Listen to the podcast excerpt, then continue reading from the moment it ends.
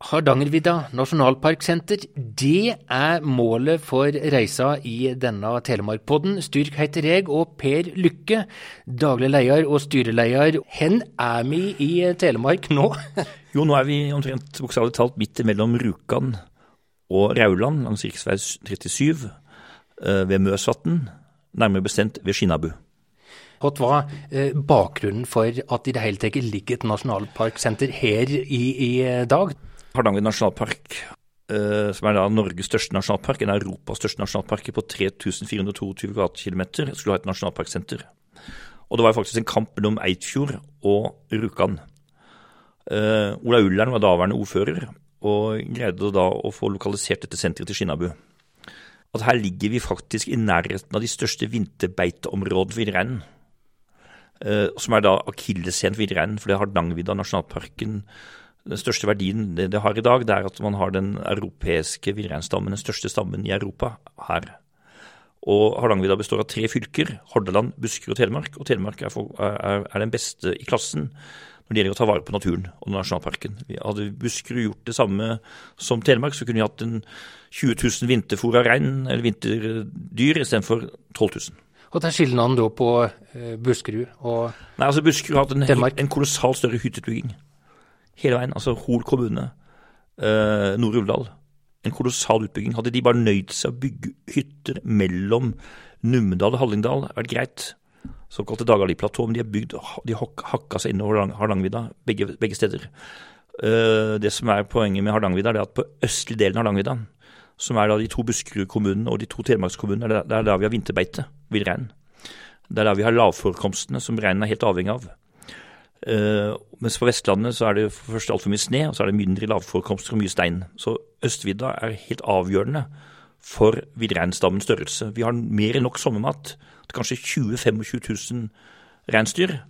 Men det er tilgang på vintermat som gjør at vi ikke kan ha større stamme enn 11 000-12 000. Er det bare for grådige, tenker du, i Buskerud? Det har ikke vært grådig, jeg vil ikke si det. Uh, for det, man skal jo overleve ditt natten. Kanskje, kanskje, kanskje reiselivet og hyttebyggingen kanskje ikke har vært planlagt, det har ikke vært sett i sammenheng. Og det er mange miljøsynder man har først oppdaget i ettertid var feil. Men hadde man hatt en økologisk plan og definert liksom, hvordan villreinen levde på Hardangervidda og de omkringliggende fjellområder, så tror jeg det har vært lettere å fått gode planer senere. For man kan bygge ut fortsatt mye, men man må bygge ut i nullområder. Hva er så hensikten med et eh, nasjonalparksenter ved Hardangervidda? Hva var poenget? Det er poenget med Hardangervidda nasjonalparksenter det var på en måte å lære folk uh, å formidle om natur og det som er på Hardangervidda. Det er klart at når man har så mye vern som vi har, da. Uh, veldig mye av kommunen jo da, har jo da vern som nasjonalpark, og så er det mye landskapsvernområder i tillegg. Her har vi både Mjøsvanns eh, landskapsvernområde, og så har vi da Vindeggen og Brattfjell landskapsvernområde, og så pluss nasjonalparken. Vi har tre store verneområder i Tinn kommune. Og Vinje har jo veldig stor Vinje kommune ligger bare 300 meter herfra. De har jo da veldig stor eh, del av nasjonalparken i sin kommune. Så tanken var å gi disse kommunene som hadde verneområder, noe tilbake til reiselivet. Og Tanken er også at hvis man kan lære litt om natur og økologi, så får man kanskje mer forståelse hvorfor det er nødvendig med vern. Så, det, så, det, så Man slår flere fluer i et smekk. Man lærer om, eh, om, vern, behov for vern, og samtidig så får man eh, noe til reiselivet. Fordi at det som er mest største vekstfaktoren innenfor reiselivet i dag, det er faktisk opplevelseskunnskapsdelen av reiselivet. Så dette er voksenopplæring, egentlig? Ja, det er voksne voksenopplæring. Vi har mye barnehager og skoleklasser på besøk òg. Men det er, at, det er klart at folk Altså mange de som kommer hit, da, kommer jo hit pga. at de er, de, er, de er veldig glad i natur. Eh, vi ligger jo, inn i, vi ligger jo veldig praktfulle naturomgivelser. Eh, slik at eh, nesten alle som besøker oss, oppgir det som en av hovedgrunnen til at de kommer. Også utlendingene også. Og Så kommer de hit, og så har de et forhold til naturen, så vil de gjerne lære litt mer om natur, og så er de interessert i natur. Og vi har jo også oppdaget det, at å fokusere på miljøproblemer eller miljøutfordringer, også våre besøkende er opptatt av. Føler at det er verdifullt. Altså folk, bare, folk, er ikke bare ute etter ren fornøyelse og ren rekreasjon, men noen syns også det er litt interessant å lære om seriøse temaer. Men vi har gjort det på en måte at vi har på en måte eh, sukret det litt, da. I en veldig sånn moderne, tiltalende måte å formidle på. I og med at vi har en sånn veldig moderne interaktiv utstilling med lyddusjer og, og, og, og touchscreens, som gjør at særlig den unge generasjonen da kan veilede besteforeldrene sine. Ja, for her er det ei spennende løype du møter. Det er første gangen jeg er på senteret, og det som slår meg, er den storslåtte naturen, utsikten, og hvordan senteret svært åpent, store glassflater på et vis gjeng i ett med Hardangervidda. Og det må vel ha vært grunntanken her? Ja, Grunntanken var nok å lage en sånn utsiktstårn, og så vise liksom folk de vidsynet, og så vise folk at folk kunne se, være innendørs, også store naturopplevelser. Og det syns jeg man har lykkes med. Ideen om at man kunne, altså man kunne oppleve naturen innendørs, med veranda og glasskafeen vår, det tror jeg man har lykkes veldig godt med. Og når det da supplerer med en ganske fyldig utstilling, hvor man kan lære om økologien, og vi har et intranettbibliotek, som jeg også vil skryte litt av, der alle planter, insekter og fisk som er på Hardangervidda nasjonalparken, også er behørig omtalt. Og det har vært viktig eh, i den interaktive eh, runden du inviterer folk til her, Per. Jeg vet at du har vært ned på detaljnivå sjøl i å tilrettelegge. Vi har fått veldig skryt av våre islandske designere, Gagarin. Nettopp at vi var en aktiv byggherre som hadde bestillinger på detaljnivå. For som de sier til oss, da, da kunne de konsentrere seg om det rent designaktige og det kunstneriske. Ofte de, kan de ofte få byggherrer som ikke har den, de ideene såpass utviklet, så må de gjøre en del flere jobber, og så går det masse penger til konsulenter. Vi, vi greide rett og slett å unngå konsulentfella. Der går det masse millioner. Fordi har, du har så stor kunnskap om og er så glad i naturen? Jeg, jeg også hadde også da tidligere daglig leder på, Vi har et videregangssenter her, og så hadde vi tidligere daglig leder på videregangssenter som jeg også fremhever, Jan Heggenes, som da var professor, han er professor på, i Bø i dag. Kanskje en av landets beste økolog. Hadde også et høyt, veldig høyt kunnskapsnivå, høyere enn mitt. Så vi hadde på en måte til sammen i huset her høyt kunnskapsnivå. Og så gjaldt det å plukke ut den delen av kunnskapen som egner seg til å formidle direkte til publikum. Sortere det, og så var det å sortere det andre mer i sånne eh, interaktive maskiner som selv folk kan finne frem til av kunnskap. Da hadde vi en sånn sorteringsprosess. Og så var det veldig viktig for oss å legge an på litt opplevelse. Det skal være en opplevelse selv å gå på utstilling. Det er ikke en kunstutstilling, men du skal på en måte gi folk en god følelse. At du går gjennom utstillingen, at, at farver, rom, lys på en måte gir det en oppleving i seg selv å være her. Og der tror jeg vi har lykkes. Om vi nå skal ta det litt eh, rom for rom, eh, Hot, eh, er det en møter i løypa? Nei, altså kan jeg si Det første rommet du kommer til, det er da en opplevelsesavdeling. Hvor man kommer inn, en sanseavdeling. Vi kalte det egentlig sanseavdelingen. Man kommer inn i sanseavdelingen, og så får man da møte masse flotte bilder av villrein. Litt kunstneriske bilder, også filmtemaer hvor man skal sette seg på en benk med masse reinsdyrskinn, og så bare finne roen. Finne fjellroen. Ikke en særlig informativ avdeling. Man kommer stresset uh, fra bylivet, eller man kommer på en lengre biltur. Og så gir man en liten forklaring da på hva den utstillingen handler om, og så vi, gjengir vi Bernkonvensjonen. For det er jo to arter som Norge har som ansvarsart i henhold til Bernkonvensjonen. Det er da villrein og fjellrev. Det er de kun de to artene som er spesifikt nevnt. Norge skal ta spesielt ansvar for. Det betyr ikke at vi ikke skal ta ansvar for andre utrydningstruede arter, men det er de to som Norge har spesielt ansvar for. Så vi gjengitt den og hengt på veggen. Og så eh, går man inn i neste avdeling, som da er en sånn forsknings- og vitenskapsavdeling, eller forvaltningsavdeling, hvor vi prøver å forklare, og historisk avdeling, hvor vi prøver å forklare om økologi, historikk, eh, på Villreinen og historikken er jo veldig interessant. Den er jo det eldste fastlandspattedyret vi har. Villreinen er 1,6 millioner år gammel.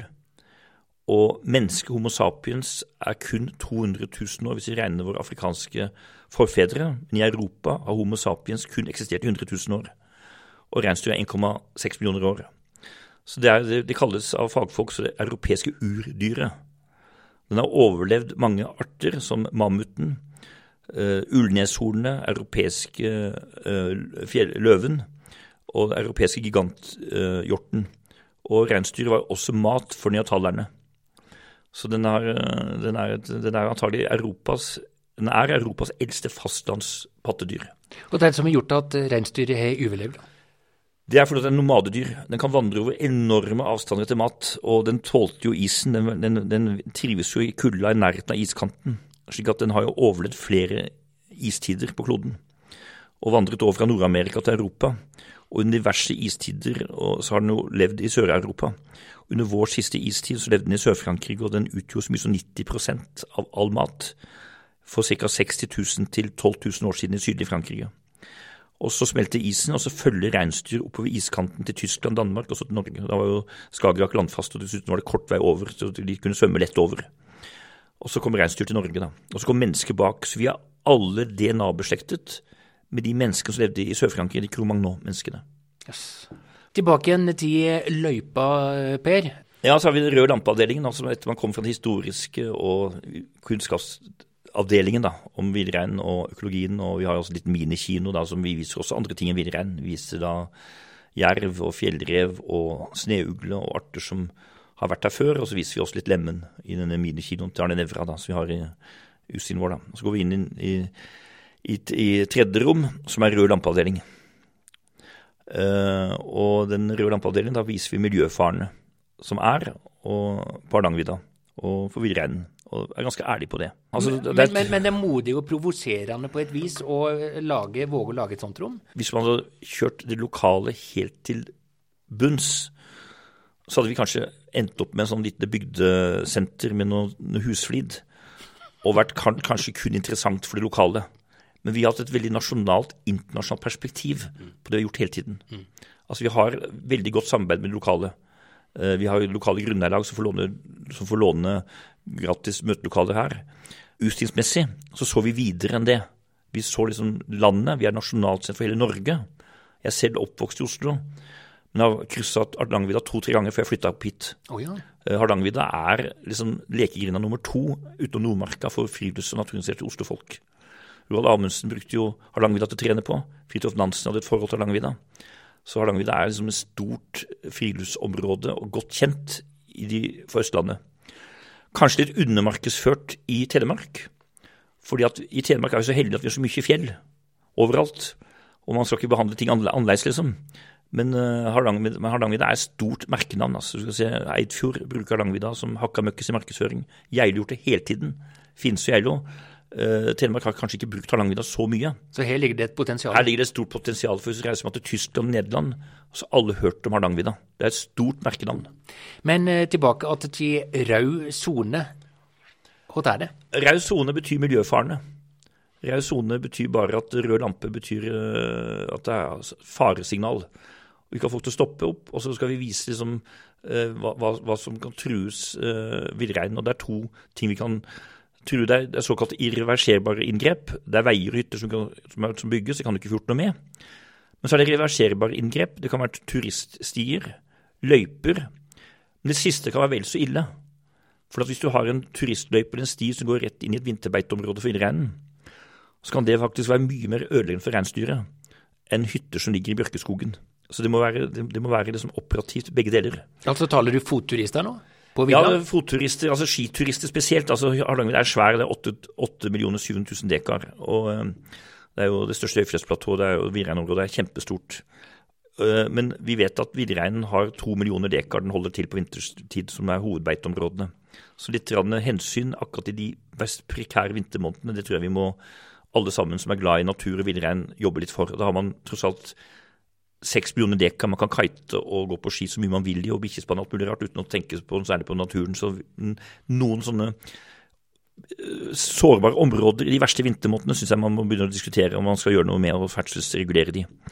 Uh, hvor reinen står vintertid. Det tror jeg mye, Så vi får frem på denne røde lampeavdelingen konsekvenser av hytteutbygging, stier og ditt natten. Men for å være litt positiv, så er mye gjort rett på Langvidda da. Altså det, er, det er ikke for ingenting at Hardangervidda tross alt er det største villreinområdet i Norge, da. Og i Europa. Så det er gjort mye bra her. Også. Det er den eneste plassen hvor man fortsatt har på en måte intakt en slags trekkrute mellom øst- og vestvidda, som ingen andre villreinområder Norge har. Der er det liksom alt splittet opp. Så det er gjort mye bra, og det har vært mye flinke folk også. Hvem er det som har gjort de kloke valene her, da? Og når, når er det gjort? For Nei, å så altså, uh, fruktene i rag? Det høres litt rart ut kanskje å si det i den sammenhengen, men altså det, som, uh, det, er, det, er, veldig mange ansvarlige grunneiere på Langvidda. Altså. Det, det, er mange ansvarlige grunneiere i Telemark. Uh, man skal huske på at i Tinn så er all eiendom privat. Mesteparten av all eiendom i Vinje er privat. Det er et tankekors at veldig mye eiendom i Buskerud og ikke enda mer i Hordaland er, er statsallmenninger. Og de har faktisk vært dårligere mange ganger til å forvalte eiendommene sine i forhold til jakttrykk, i forhold til hytter, vegur, enn de private. Så det er ikke slik at alle private ønsker å bygge mest mulig hytte på sin eiendom. Eh, så det har vært veldig mye ansvarlighet og mye kunnskap gjennom generasjoner. Som, som, som, gjør at Hardangervidda på en måte er blitt det det er blitt. Så her hevder du at den grådigste, det er kanskje staten? Om ikke, om ikke grådig, kall, kall, det mangel på styring og ledelse. Og, og, kanskje ikke man har noe nært forhold. altså Er en eiendom som har gått fra far til sønn eller far til datter eller mor til sønn i generasjoner, de får kunnskap, de får et forhold til det de har kunnskap om de vet hva de driver med. og Det er veldig mye kunnskap i lokalbefolkningen. Og så uh, gjeng vi glatt videre til uh, en ny fase, den, den, grønne. Den grønne fasen, og den er veldig interessant. for du kan si at den, Det vi prøver å fokusere på der, det er, den, det er forskning og forvaltningsavdelingen. Det er liksom fase nummer fire. Og Der prøver vi liksom å forklare uh, omgivelsene og besøkende betydningen av kunnskap og forskning. Og Da har vi portrettert Terje Skogland som var Norges fremste villreinforsker. Uten å fornærme de som er i dag, de rekker han ikke opp på knærne engang. Han var en ener. Når det er sagt, så kan det ta 100 år kanskje for å få frem en sånn ny person. Han var helt unik. Han var Men tenk på det er flere millioner reinsdyr i Russland. Det er mange millioner reinsdyr i Nord-Amerika. Amerikanerne og russerne sto i kø for bruken. Han var utdannet fra USA, men han tok doktorgrad på Blindern. Eh, han jobbet for Nina i Trondheim. Han var en fantastisk sterk skiløper, fysisk veldig sterk. Dette var før GPS-tidene. Han lå ute og studerte. Jeg tror reinsdyrene etter hvert ble, ble, vant med han. De slapp han innpå seg. Han jaktet ikke på Hardangervidda, hvor han skulle være forsker. Han mente at det var et etisk feil. Uh, han hadde veldig sterke kunnskaper om, om, uh, om villrein og natur. Han var uredd. Han kunne møte opp på grunneiermøter og si at dette er helt uenig ved dere, og komme med sine synspunkter. Han eh, var eh, også medvirkende til at Hardanger nasjonalpark ble opprettet. Han hadde sterke synspunkter på det, og ikke minst at visse kalveområder på Vestlandet ikke ble neddemt. Også blant mange grunneiere så fikk han også en, en veldig høy stjerne etter hvert, da, og han innrømte også feil. Blant annet så en del av kalvetellingen så hendte det at simlene forlot kalven.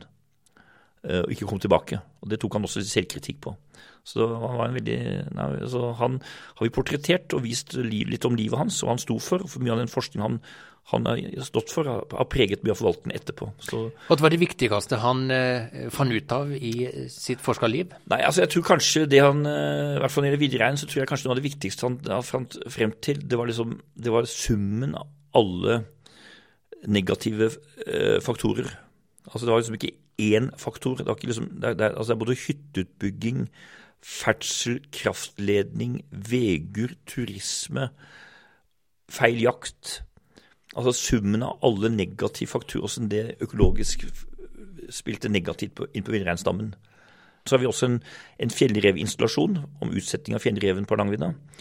Uh, og vi har også professorpanel, hvor vi har uh, fem professorer og en forsker som forteller som er spesialkunnskap, så man kan få en egen privat forelesning eh, på senteret hos oss eh, på alle mulige temaer. fordi at vi, trek, vi, tiltrekker oss veldig mange som kan mye om natur. Så selv den innerste menigheten kan gå, komme herfra og lært noe. Må du ha spesiell interesse for reinsdyr for å ha noe glede av nei, senteret? Nei, fordi at senteret er, er veldig, det er, det er en selvveiledende utstilling som man kan gå gjennom på 15 minutter, 20 minutter. Man kan bare ha glede av bildene og naturbildene og minikinoen og sanseavdelingen som ikke er informative i det hele tatt. Man kan selv velge hvor, hvor, hvor dypt man skal gå, hvilke detaljer man skal lese, uten å bli forstyrret. Så man kan bare ha en liten naturinteresse, man kan ha en liten interesse og ha veldig glede av teknologien og stimulansen, og man kan ha en interesse. Eh, men vi har jo gjort dette bevisst også for at folk skal kunne komme tilbake. Vi har veldig mye gjenbesøk. Vi har folk som kommer tilbake på det to-tre ganger. Så det, når vi ligger ikke langs rv. 7, ikke langs E134, måtte vi ta et par valg. Og Et av valgene våre var å være såpass dyp og grundig at vi trekker folk ut av godstolen i Kongsberg og Oslo-området for å komme hit, og hyttefolk i ganske stor mil omkrets som kommer hit og får lyst til å komme tilbake. Hvem er det først og fremst eh, som besøker eh, senteret? Nei, Det er familier eh, familier, og, og, og halvparten norske. Hyttefolk. Veldig mye hyttefolk. Folk som er jegere og fiskere. Altså en kjernegruppe. Men gledelig sett så har vi en enorm vekst utlendinger. Ja vel? Og det er en, eh, I fjor sommer hadde vi faktisk mer utlendinger enn nordmenn. Vi har jo syv språk da, på utstillingen. Uh, og det er jo ingen tror jeg, som slår oss på et språk, for det er ikke snakk om tre-fire setninger. Vi har installasjoner med så mye som 1000 setninger. Og alt er på det språket. Så du kan gå i dybden og lære detaljer på ditt eget morsmål. Og Det tror jeg har vært en veldig, det får vi veldig feedback fra turistene på. Blant annet ble vi jo I fjor så lå vi jo Vi ligger veldig høyt på TripAdvisor. Vi, det er få som slår oss på gode tilbakemeldinger. Og vi har fått uh, Certificate of Excellence fra TripAdvisor tre år på rad. Oi.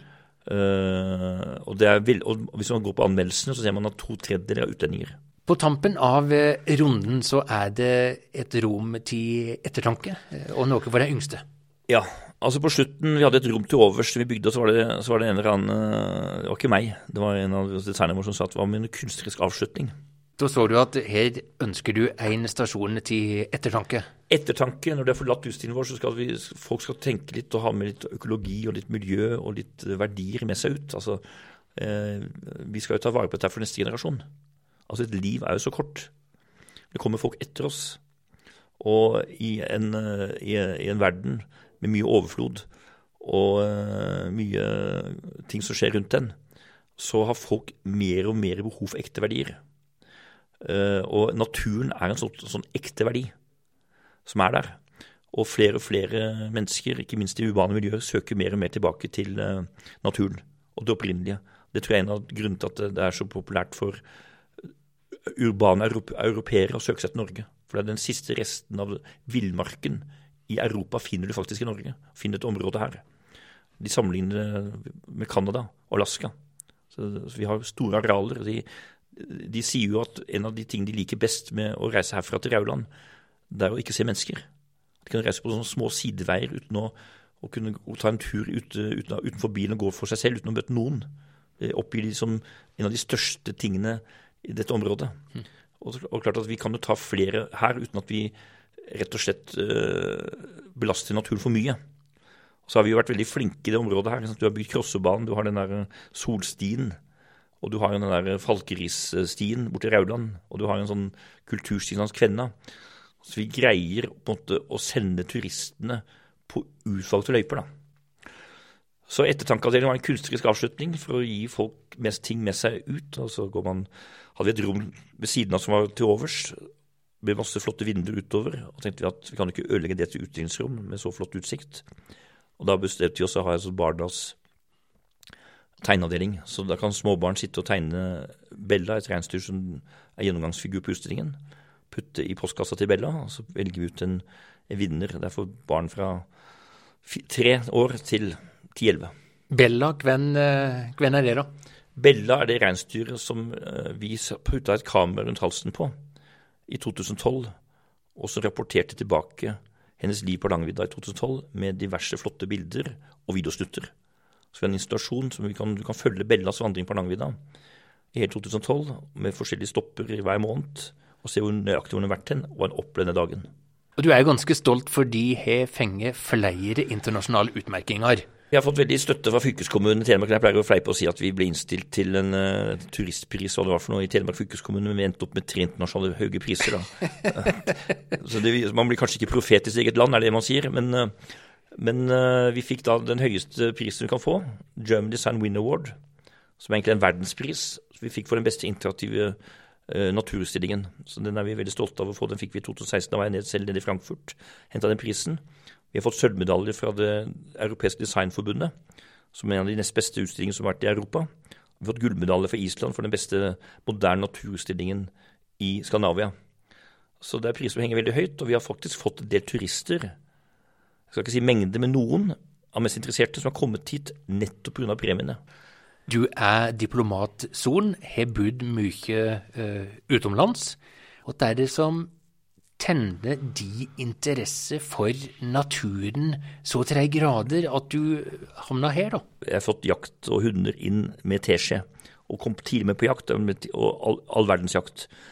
Jeg var også heldig og vokste opp den delen av Oslo vestkant med en sterk frilufts- og nordmarka-interesse. Altså ikke den snobbegreia. Ikke den fisefine. Ikke fisefine. Speidergreia. Tiurleik. Uh, ut på tur. Mye på ski.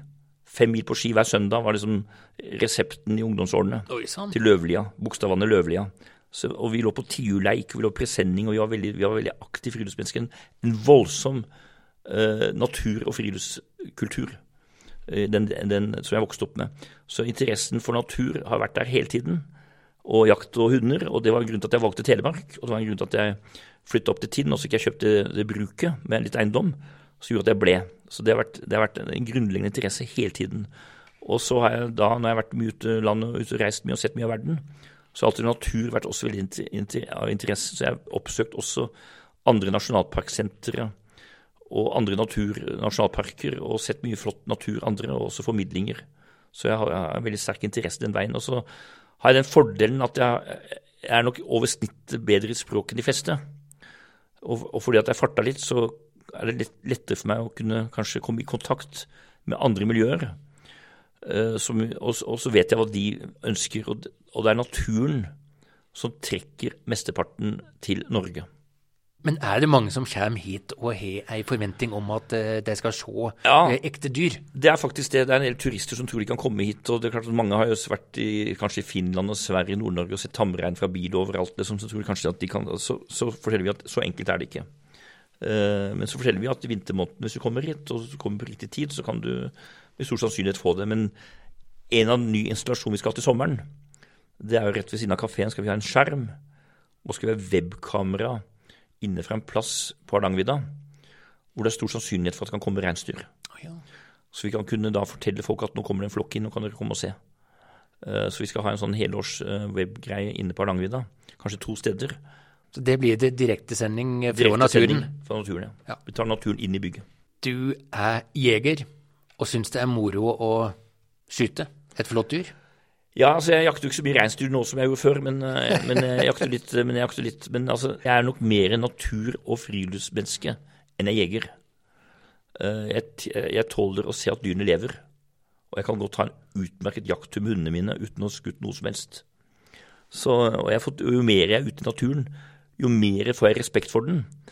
Og jeg skjønner at mennesket og jegeren, vi skal skyte overskuddet. Er det for lite ryper, så må vi la rypene være i fred. Er det for lite harer, så må vi la de også få lov til å leve. Altså det, altså, det, har en verdi også å kunne se de, og la altså andre mennesker også nyte godt å se de. Så, det, så naturen på en måte har en verdi som er over jakta. Så jeg er ikke noen sånn storjeger. 100 år fram i tid, er du pessimist i forhold til miljøherjingene og endringene? På en måte. På en annen måte så er, jeg, så er jeg født optimist, så jeg tror liksom at kunnskap og interessen for natur kanskje da vil gjøre at uh, uh, ting blir bedre. Og så vil oljeinntektene avta, det vet vi jo. Altså det, det, altså det, blir mindre og mindre olje. Norge blir mindre og mindre uh, Vil få mindre inntekter for oljen. Og blir mer avhengig av å satse på landbasert industri. For reiselivet og naturen og, og reiselivsindustrien så blir naturen veldig viktig. Og, bygde, og bygdene blir en veldig viktig del av, reiselivet. Så jeg tror at det til sammen kanskje gjør at man uh, vil kunne ta vare på naturen også.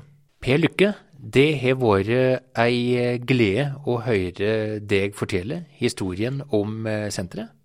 Uh, det høres ut til at det er en jobb du trives i, og kommer til å holde fram i. Ja, altså du kan si at jeg er såpass heldig. altså at du kan si Jeg jobbet som advokat i 25-30 år. og Jeg var det skrankeadvokat. Jeg har vært mye i retten. Hatt mye tunge, tøffe saker. Tingretten, lagmannsretten. Og som skrankeadvokat så lever du av konflikter. Og jeg må si mer enn én en gang hadde noen sånne større skilsmisseoppgjør eller arveoppgjør eller, eller eiendomskrangel, og kanskje det mest betente saken du er borti da.